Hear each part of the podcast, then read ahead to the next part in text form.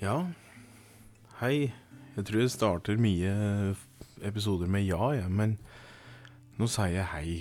Eh, og velkommen til en ny eh, Krakadal radioepisode. Skal se her, jeg må justere mikrofonstativet. Jeg beklager det. Så der. Um, uh, ja Jeg vet ikke hva jeg skal begynne med i dag, men uh, Begynner med å legge til klokka mi, og så begynner jeg med å ta en slik en. Du veit, det er uh, viktig å starte søndagen på best mulig måte. Så da gjør vi det slik. Ehm, I dag skal vi eh, innom Krakadalnatt, ja, selvfølgelig. Og så Fy faen. Og så skal vi preke om av Ragnhild Dragebein. Skal vi preke om i dag. Eh, Ragnhild var født i 1624 og strøyk med da i 1678. Um, det var inni inne i ei dunkel stue med noe få tente ljus og et innrammet maleri, var det der, av en gammel monark, da, mest sannsynlig da fra Kina eller Peru. Og i den stua der så satt ei lita dame med trælete never og som satt og strikka en ullgenser til nabofelket som, som venter på en liten en. Og hun heter Ragnhild. Hun som eh, strikker. Det var eh, 21 år siden hun sjøl lå inne i vomma til sin mor Brita Fredrikke Dragebein, og 21 år og 11 måneder siden hun ble født på Vrengestien inne på Krakadalen, mens eh, tiurleiken sto på som verst rundt omkring der mor hennes lå og presset tur seg da det lille fosteret. Um, mor hennes var dessverre et meget forstyrret menneske og hata alt som var ved dattersi som lå på ei seng av døde granblader og, og smuldre ugras. Hun eh, nekter pent for at det som lå der, var av hennes eget kjøtt og blod. Eh, Ragnhild var dessverre slik at hun var jo da et resultat av en eh, voldtekt som hadde hendt Brita Fredrikke. Og Ragnhild hun var dessverre født med en slags Eller som en slags påminnelsesstempel da, om den forferdelige frostmorgenen da Brita hadde hørt voldtigeren. Og flere ganger så prøvde faktisk Brita Fredrikke å ta eh, livet sitt Eller nei, ikke sitt, men ta livet av eh, sin nyfødte datter. Enten da med å drikke mye sprit så brystmelka hennes var fylt opp med alkohol, eller så lot hun jentungen ligge ute om natta i håp om at et eller annet slags dyr skulle ta med seg ut i skogen. Og Ragnhild var som spedbarn ei rolig jente. Og uansett hvor sulten hun var, så, så skreik hun jo aldri. Så det var jo, det var jo derfor det da ikke var noen dyr som, eh, som kom og tok henne. Eh, for det var jo ingen som visste at hun lå der og var fri til å tas, på en måte. Så, så Og om den lille spedungen da hadde driti på seg, så var det jo heller ikke akkurat det særlig appetittvekkende. Eh, hos verken ørn eller høggerm eller ulv eller bjønn eller her noe tusen det skulle vært som hadde hentet dem. Så, og da Ragnhild hadde vært inn Men ja. Nei. ok.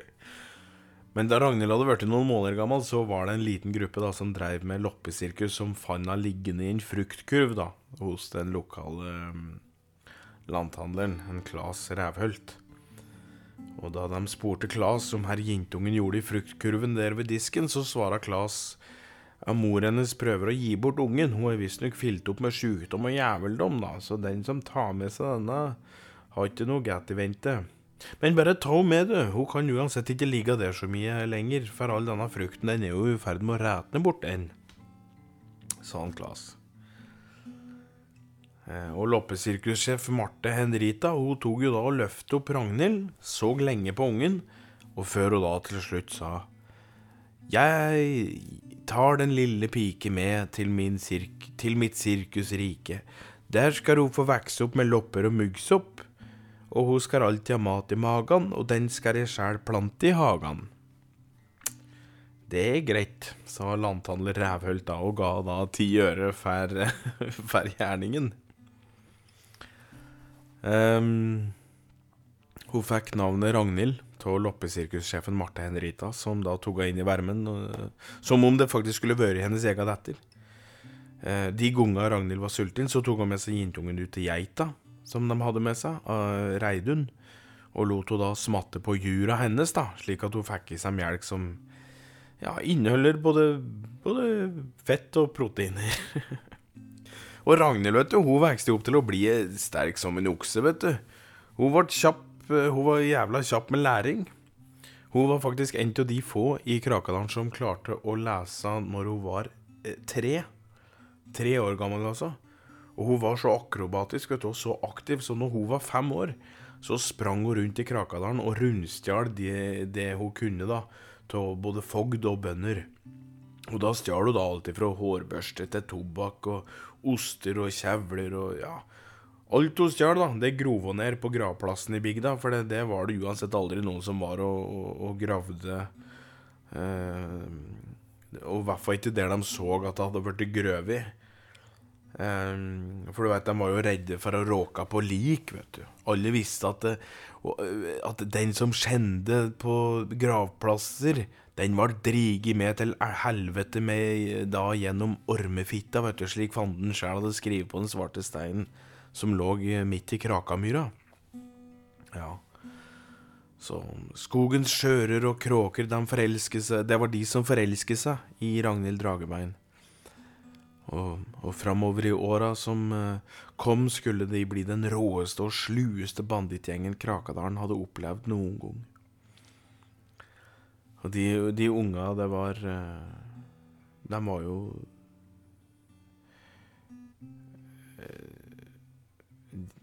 Hæ? Nei, ja. Nei, for det var jo de gunga det var turister som hadde fått trøbbel med hestevogn eller sleder. Så kom jo var, Da kom nemlig Ragnhild alltid tilfeldigvis passerende forbi, tilbød hjelpa si. Sjæl om sanninga var jo at hun ofte egentlig lå bak gravrøyser eller da i noe buskekratt og holdt øve med, med reiseveien inn og tur Krakadalen. Og da, da, men hun, da tilbød hun seg jo da de som hadde vært stående fast med en kopp kaffe eller ei lita kakebete eh, hjemme hos seg sjæl. Mens hun da tok med reiseferdig hjem til seg sjæl på kaffe og kaker, så fløy det kråker og skjører over vogn og slede da, og knabbe med seg det de var kær om. Og etter kaffe og kaker så tok Ragnhild dem bort til den lokale julesnekkeren for å ta dem med bort til uh, der vogna og det sto. Og da de uh, gikk dit for å sjekke det som måtte gjøres, ja, da fikk de ofte se alt de hadde med seg, hadde da vært stjålet. Og ofte var det da lokale småkjeltringer som Gerhard Bingen og Syver Klåfingre som fikk skylda. Og, ehm, og, det er for ikke til å legge under en stol at dette er kanskje sterkt påvirket av en uh, Peik Even Saltmo. Som ja, som du hørte i forrige episode. Uh, og Ragnhild hun bodde i ei vogn. Hun hadde snekra sjæl i den, den, delen av skogen som eh, Krakadalens loppesirkus hadde gjort krav på. Og der satt hun da, ofte innestengt i gonga hun ikke var ute og røve. Og der satt hun gjerne med kråker og skjører som hun hadde blitt venner med, da. Og det var særlig ei skjør og ei kråke som hun hadde blitt ordentlig glad i. Og det var kråka Yvonne og, og skjøra Ingeborg. Sammen med de så kunne Ragnhild preke om alt som var, og etter hvert som åra gikk, så klarte Ragnhild, kråka Yvonne og skjøra Ingeborg å kommunisere da, via et, et felles fuglemål som de lærte seg sammen. Og slik tilbrakte Ragnhild ofte kveldene sine fra ungdommen og, og fram til tidlig voksenungdom, da, innestengt i sirkusvogna si med, med Yvonne og Ingeborg, mens, eh, Mens de fortalte hverandre røverhistorier over et glass rødvin som hun hadde brygget sjæl av kirsebær og bringebær og blåbær og, og, og tyttebær. um, under en uh, samtale en sein, regntung høstdag i, i 1641 så lurte kråka Yvonne på da om ikke Ragnhild snart skulle få seg gubb og en familie, og da svarer Ragnhild at jo jo, snart. Jeg har sett på gutta hans Roar Stubberud, og alle de tre gutta hans, er kjekke typer, og jeg skal nok ha en av dem, men eh, jeg veit bare ikke akkurat åkken uh, av dem det skal være ennå. Akkurat, svarer kråka Yvonne da. Og skjøra Ingeborg, vet du, hun satt bare og dyppet nebbet i rødvinsglasset sitt, som da symboliserte um, et slags samtykke. Ja, så det å dyppe Det å dyppe nebbet sitt i rødvin, det var som regel det. At et signal på seg at ja, det er jeg enig i. På en måte. Ja.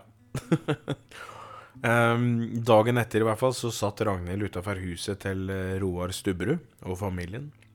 Så etter gutta hans. Even Jarle og Benny Roar jr. Eh, Even han var like gammel som Ragnhild. 27 år, altså. Den, eh, I hvert fall på den tida der. Jarle han var 20. Benny Roar jr. han var 13. Eh, og Ragnhild hun satt lenge og funderte på hvem av gutta hun skulle velge da, til sin ektemake. Men hun sleit med å finne noe klart svar, gitt. Etter noen uker så, så hun plutselig helsemannen Even da, hadde med seg ei jente som som egentlig var, var, søt, da, men som Ragnhild sjæl syns kanskje var litt ussel og, og heslig. Ja ja, tenkte Ragnhild. Om en even runkesnare liker den tære, så får han bare gjøre så. Ragnhild hun var uansett ikke nervøs, da, for både Jarle og Benny Roar jr. De var pene gutter, og hun var fast bestemt på at hun skulle ha en av dem. Derimot så skulle valget bli tatt fær av da, noen måneder etterpå, for plutselig så um,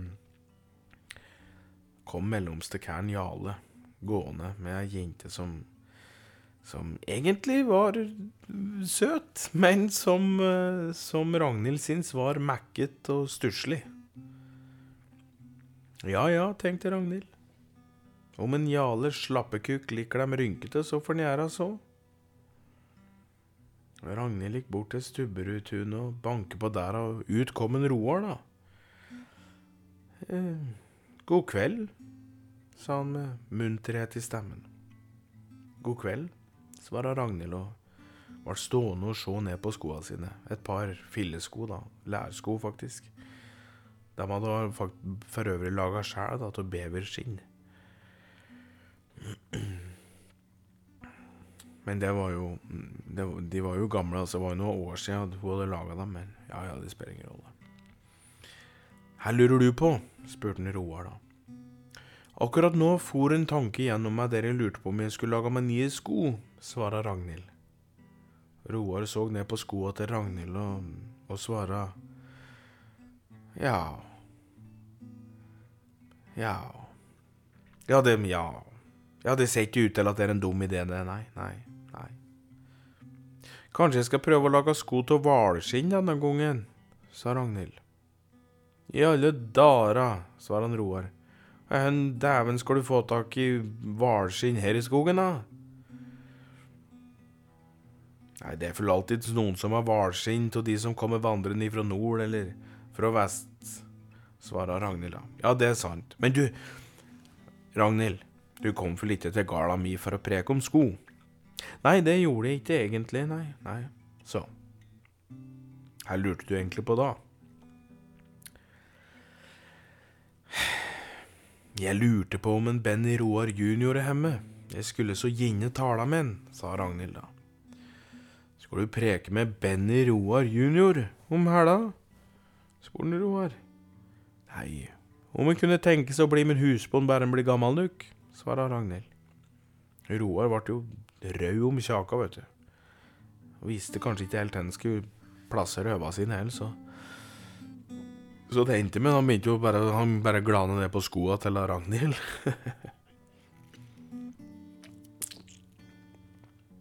Hvalskinn, du, gitt. Det, det blir nok ikke lett å lage sko av det. Jeg, jeg, har hørt at det er jævlig harskt med hvalskinn.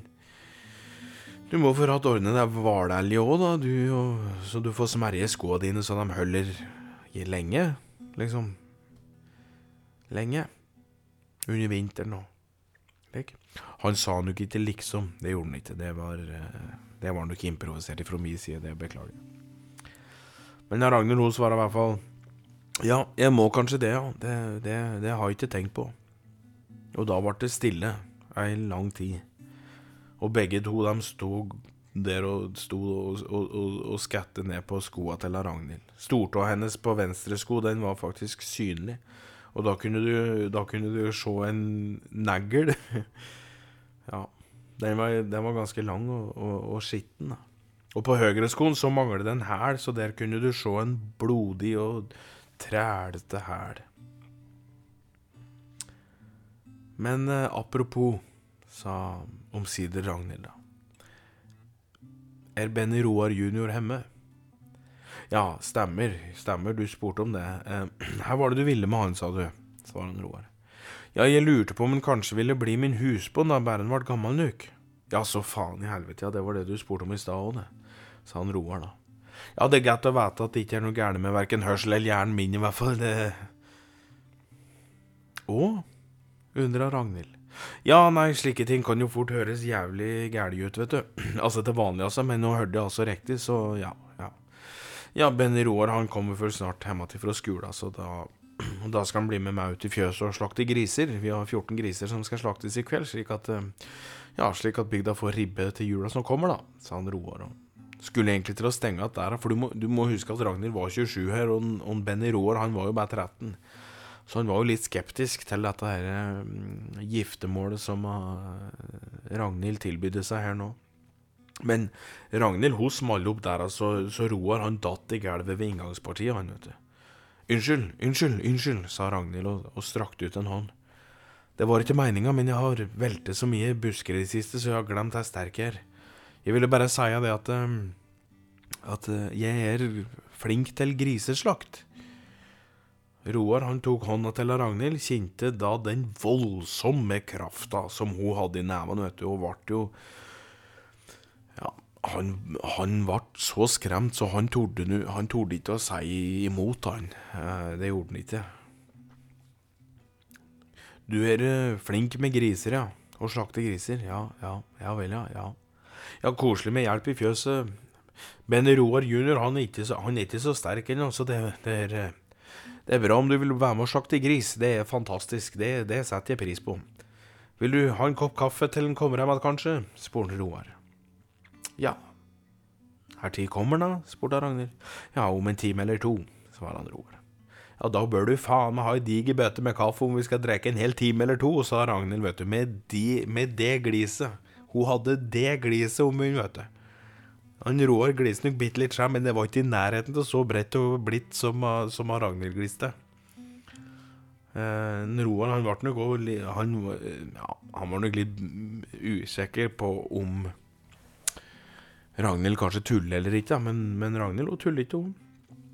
Så de, de, så de, to de satt inne på kjøkkenet på Stubberud gard og, og, drakk kaffe helt til 13 år gamle Benny Roar jr. Han kom da hjem igjen fra skolen og, og fant de to sittende på kjøkkenet. Ragnhild begynte jo å rødme litt. Hun, hun syntes jo han var litt søt, men Roar og sønnen kan for trygt si var kanskje litt mer eh, Eh, kanskje. kanskje. um, ja, Ragnhild skal bli med ut og slakte griser sammen med oss i dag, sa han Roar. Ja, så trivelig. All hjelp er god hjelp, sa han Benny Roar junior. Ja, syns du det? spurte Ragnhild.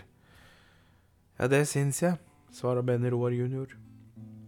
Og da tok Ragnhild en liten slurk kaffe mens hun rødmet. da, vet du. Hun torde ikke, ikke, å se så mye på guttungen, for hun var jo du vet, hun, hun var redd for å bli forelsket i vet du, før han var gammel nok. Eh, I hvert fall gammel nok til å bli elsket slik en husbond skal elskes. Så, eh, så da sa han Roar, da Men eh, vi får få gå ut i fjøset, tror jeg kanskje. Og kanskje Ragnhild vil sperre deg om noe, Benny? Å ja. Her da? spurte Benny Roar junior. Nei, det kan vi kanskje vente, sa Ragnhild. Ja, eller ikke, sa han Roar. Jeg har alltid syntes det har vært ålreit å få svar på det man lurer på så fort som mulig, vet du. For du veit, da, da, da trenger en ikke å bruke nød, unødvendig tid på å undre på det man eh, det, undrer på. Nei, der er jeg nå ikke enig med min far, sa han Benny Roar junior. Og nå ble jo Ragnhild ikke litt utilpass, hun ble bitte litt ekstra utilpass, faktisk.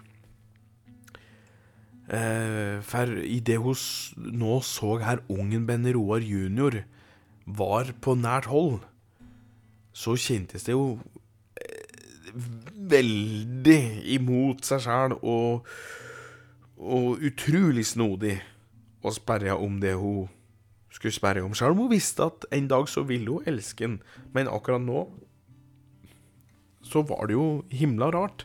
Det var jo bare en guttunge. Så hun visste jo ikke helt hva hun skulle si. ja. Så da endte det med at hun sa bare De skoene her har jeg laga av beverskinn. Og så vifta med beina, vet du, ut i lufta der hun satt på kraken. Og guttungen han stirret på far sin som nå satt og tørket bort sveiten. Jaha. Nå skal hun lage seg sko av hvalskinn, sa han Roar mens han helker nedpå glovarm kaffe, vet du, og det gjorde jo at han brant seg så innmari i kjeften. Det, og det hovna opp, vet du, så mye, så han var jo Han var jo ikke kær om til å si et eneste ord på resten av kvelden, han. Eh, Og Ragnhild og Benny Roar de sprang ut i, i brønna for å hente vann åt den, da. Og da de sto og, og, og trakk i bøttetauet eh, sammen, så, så sa Ragnhild da En dag, Benny Roar jr., så vil jeg gifte meg med deg. Så jeg foreslår at uh, den dagen du føler deg klar, så kommer du bort til sirkusvogna mi, og så tar jeg deg til husbonden, og da, da kan jeg lage sko til deg om du vil. Er det i orden for deg? Og Benny Roar jr. han slapp tauet og datt deis i bakken, vet du, og, og da slapp Ragnhild tauet og hov seg over den og kastet gras i ansiktet på han, og så klappet hun på kjaka. Og ben Roar han våkna opp da omsider da, og så opp og, og, og på øva til Ragnhild. Og han syntes de minte om da brusende fjellbekker. Det var det han så når hun så i øva til Ragnhild. Rett og slett brusende fjellbekker. Det er greit for meg å vente til jeg blir gammel en uke, i hvert fall, sa han da omsider. Hvor lenge er det til, da? Ja, i hvert fall til jeg gror skjegg. Den er grei. Da sier vi det slik, sa Ragnhild og, ga han et kyss på kjakan mens hun hoppet glad og lystig tilbake til vogna si. Og fire år seinere, da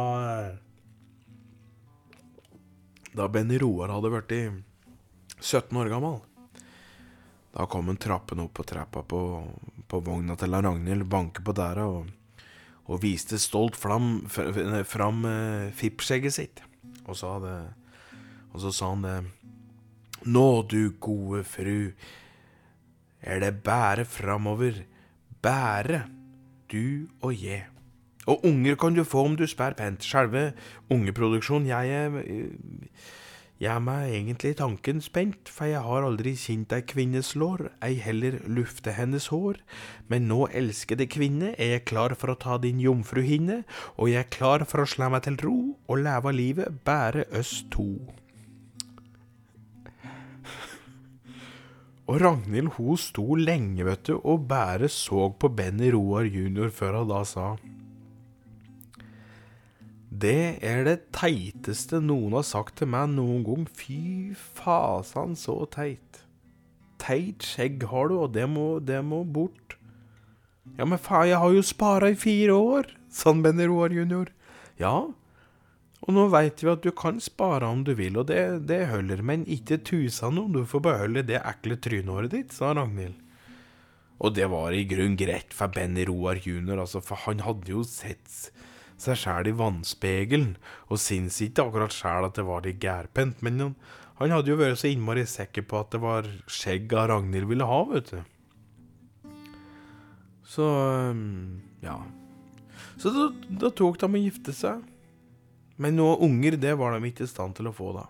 Ja, Ragnhild hadde hørt om eh, Hørt om noen triks som kanskje kunne sørge for at hun fikk unger eh, når de hadde prøvd å få til unger eh, Nå preker tull. For det hun hadde hørt om noen triks, ja. Og Nei, ja. For når de hadde prøvd å få til unger i noen år, så tok hun og skar opp like smådype kutt på innsida av låra si. Og så tok hun rett og slett sæden til en Benny Roar som hun, hun hadde helt over på glassflasker, og så helta sæden over såra sine. Det høres jo så forferdelig grisete ut, eh, egentlig, men hun gjorde det. Og etter at hun puttet eh, farsvatnet til Benny Roar i såra sine, så tok hun og sydde att det og så venta da spent da på om det ville vokse ut en unge.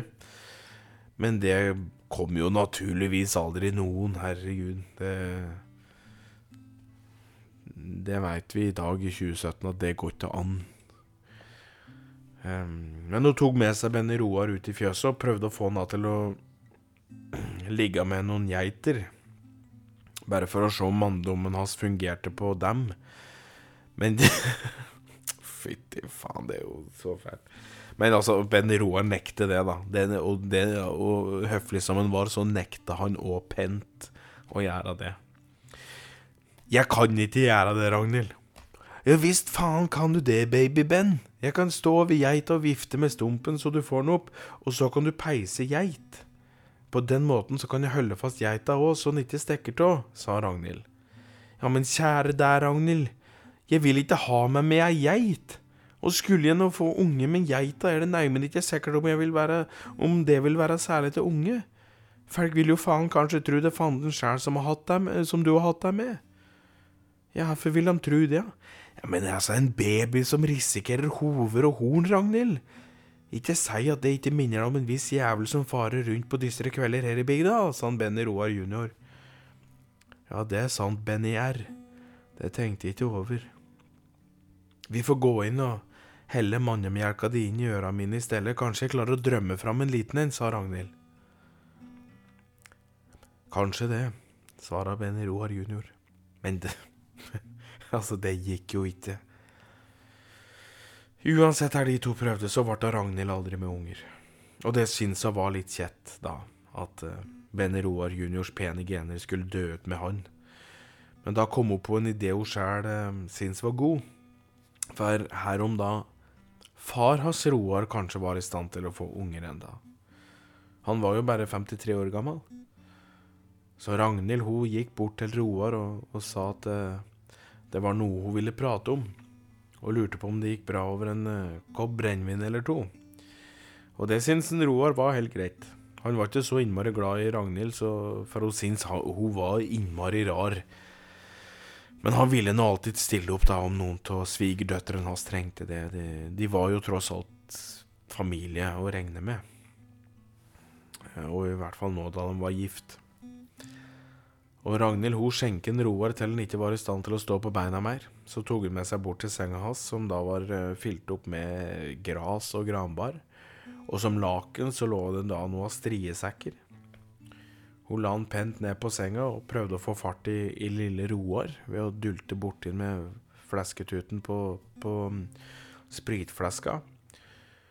Og da det ikke gikk, så fant hun ei snor og knyttet den rundt lille Roars hugu, og satte da øh, seg are enda av tauet Nei, ja, hun satte fast da andre enda av tauet i taket.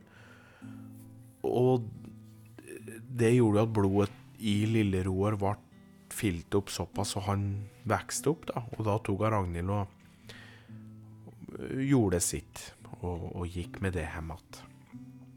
Og da Roar hadde kommet til seg sjøl dagen etter, vet du, våkna med lille Roar i ei snor, så fikk jo faen Han fikk jo så fylleangst, vet du, som Og det skulle bære med en resten av livet. Altså, Roar, han gikk aldri ut husdæra si etter den kvelden. Altså, og det var rett og slett i skam. Ragnhild derimot, hun fant jo sida ut at hun skulle bli mor. Hun sa naturligvis at det var eh, Benny Roar som skulle være faren. Og de var lykkelige, helt fram til ungen kom. Eh, da gikk Ragnhild inn i en, i en fødselsdepresjon. Lot Benny Roar jr. ta fatt på ungen mens hun drog rundt da i skogen og drakk seg dritings og, og hadde med seg andre kærer, rett og slett. Eh, nå da som hun hadde fylt seg Hadde fylt 33 år, så Så kom det en snikende slange. Denne slitne og forvridde tanken, da, som ledet henne til sine foreldre, som hun aldri hadde kjent. Altså, slange er da tanke. Um, og hun hater seg sjæl over at hun ikke klarte å ta Benny Roar jr. sin kjærlighet på alvor.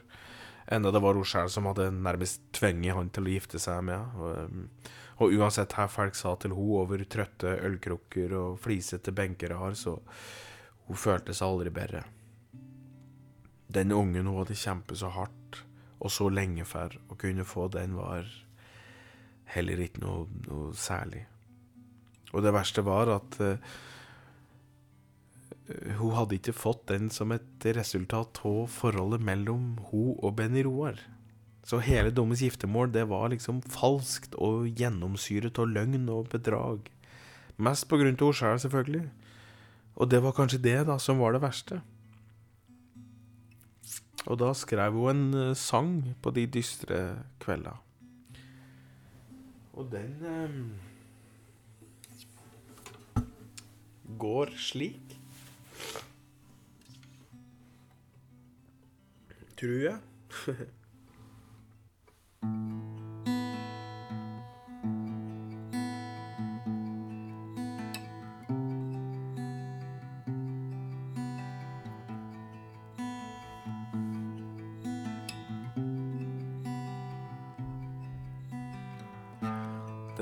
seg nå, jeg kjenner hjertet seia ifrå. Det ønskes til lykke og hell, men jeg må ha en øl til du syns jeg tar fatt og fær. Men kjempe med jævelen har jeg gjort før.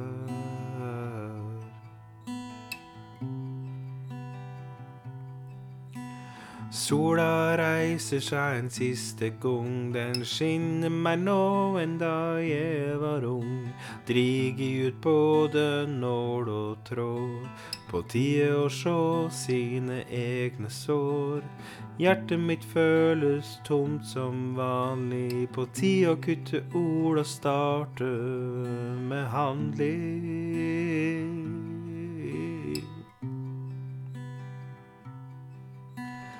Hånda mi skjelver i dag, det er slutt med løgn og bedrag. Mine ord har forlatt sin mening, ut å finne svar på en evighetsvandring. Skam og feil finner sin plass, og klandrer meg ikke fæle tanken er krass.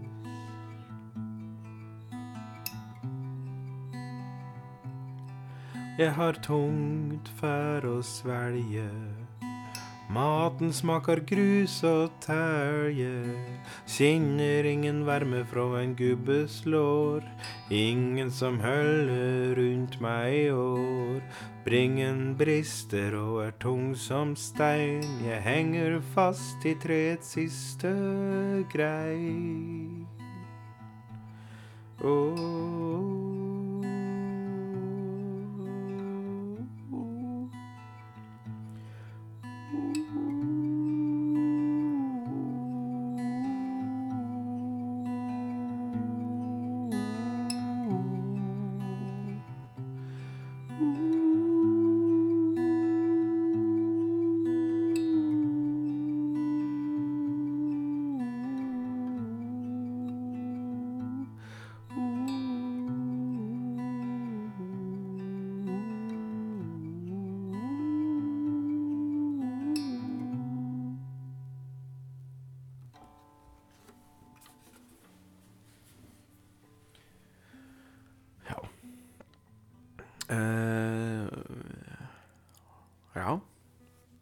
Slik gikk eh, Det var sangen som Ragnhild skrev. Eh, Ragnhild hun valser rundt i Krakadalen. Hun var sjelden hemmeligere. Hun hadde bare lyst til å brenne ned hele vogna med ungen og gubben i. Hun slo seg sjæl hardt i ansiktet. I hvert fall når tanken hadde blitt tydeligere. Og en kveld så bare satt hun seg ned med ei diger bjørk til riggstøtte. Altså, hun lente seg inn mot ei bjørk. Og mens spriten da rann rundt i blodet hennes som et elvebrev, så skrev hun et brev.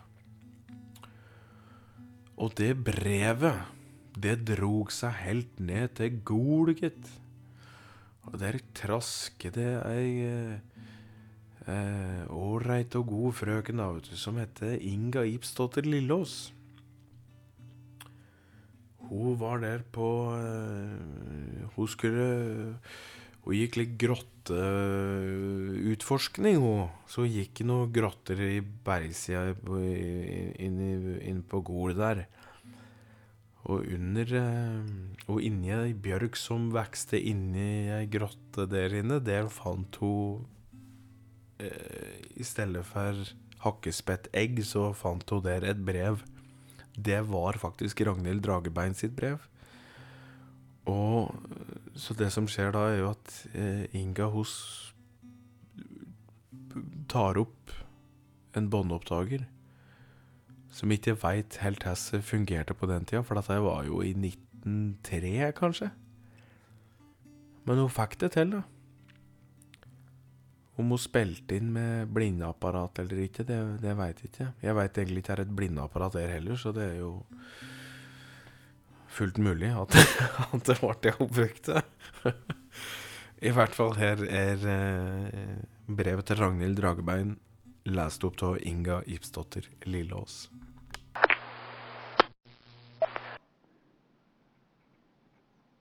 Lenge sto jeg der ute og ventet i min utvaskede kveldskjole. Jeg sto der ute på den nyplukkede jordbærengen og ventet. Hva jeg ventet sånn på, det står meg nå usikkert. Men jeg vet at det var noe som var verdt å vente på. Noe som skulle fylle min størknende hverdag med nye lag av farger, nye tanker, nye sanger nye ord og utilslørte blikk. Ovenfor meg hvilte tordenskyer som ventet til jeg var klar, slik at de kunne vaske meg bort fra jordens overflate med tunge dråper regn. Og de fortalte i all sin dundrende mumling at hver dråpe skulle veie ti tonn og knuse meg slik at jeg skulle sildre ned i jorden og inn til dens indre. Men jeg ble aldri klar. Så regnet måtte vente. Det måtte også jeg. Vente. Mens jeg ventet der, kan jeg erindre at jeg gikk i meg selv og undret på om jeg kanskje kunne være skaperen av likegyldighet. For aller mest ønsket jeg jo å oppfostre mennesker til å lære seg selv å kjenne istedenfor gjennom lover og regler som andre har satt opp for dem?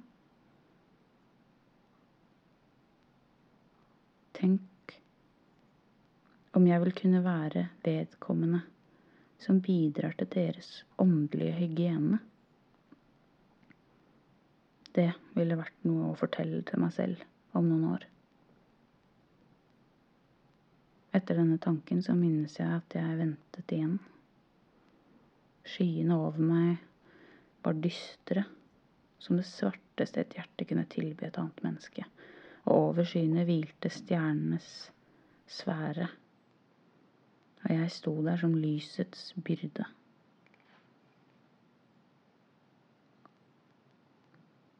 Vinden suste omkring den kvelden. Den suste i sin krystallblå kappe rundt meg som en demon som var ute etter noen å gjøre pek imot. Jeg har gjennom mitt liv stått imot frost og gru. Og selv når morgenen tilbød solen, så gikk jeg etter skyggene. Jeg ventet.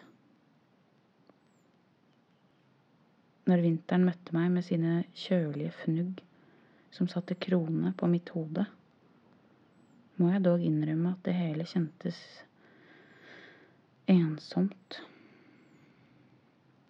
Mine never sved som spetter, min rygg var arret og flenget, men jeg kjente meg varm for det om. Blåøyde barn løp forbi meg og ropte ord som var meg ukjent, slik mine egne ord en gang var. Elvens svartnende brus ilte forbi. Husene sto tømmergrå og tause på tunet, og den gamle slekten stirret gjennom skumringen, milde og grå. Kråkene skrek, og i samfunnshuset var det dansende liv, og kanskje sto det der borte to eller tre venner. Det bruste en verden av stormer og farger, mørke og glød. Det var som å gå i en levende død. For en dag skal det jo hende at vi ikke er mer. Nå er det det skjer. Nå. Eller en annen gang. Slik er det ment. At jeg faller i en stue som står så ufattelig rent. Stjerner skal leve, og stormer og sjø.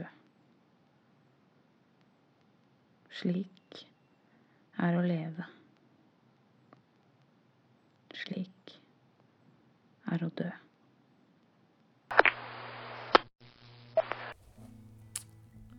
Det var brevet til Ragnhild Dragebein, lest opp av Inga Ibsdottir Lillås. Altså um, Trivelig brev. Lest opp av ei trivelig dame. Eh, Ragnhild, i hvert fall. Hun tok det valget da som den eneste andre mora hun visste om, hadde gjort. Hun forlot Krakadalen. Hun forlot sin mann, hun forlot den lille. Men hun skulle ikke langt. Hun gikk til eh, Krakamyra, der fanden brukte å stå på tirsdagskvelder, for han brukte å stå der og se etter rådyr. Endelig, Ragnhild. Endelig. Du kan gå ut når du er klar. Da blir det øst to, da? spurte Ragnhild.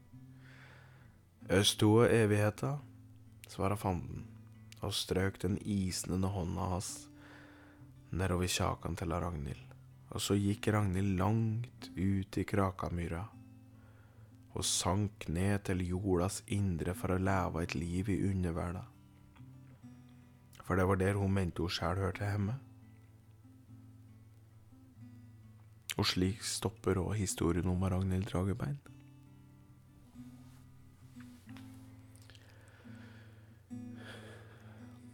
Og med det så vil jeg takke for i dag.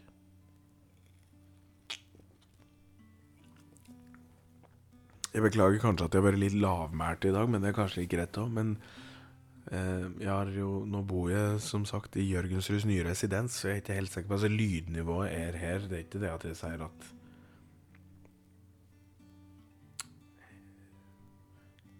Her er det veldig lydhørt, men eh, det er andre natta mi inne i leilighet når jeg spiller inn data her, så jeg tenkte liksom at det er greit å bare sjekke litt. Ja, så jeg beklager, men jeg, jeg tror det er ålreit, jeg. Tror det er ålreit. Går fra heseblesende kunstnerkollektiv til et, eh, til et litt stille, stille leilighet her. Da tenker jeg på forrige episode kontra denne episoden her. Så mm. Nukk pissprat ifra mi side. Jeg ønsker deg alle ei riktig fin uke som kommer i morgen en eh, Igjen.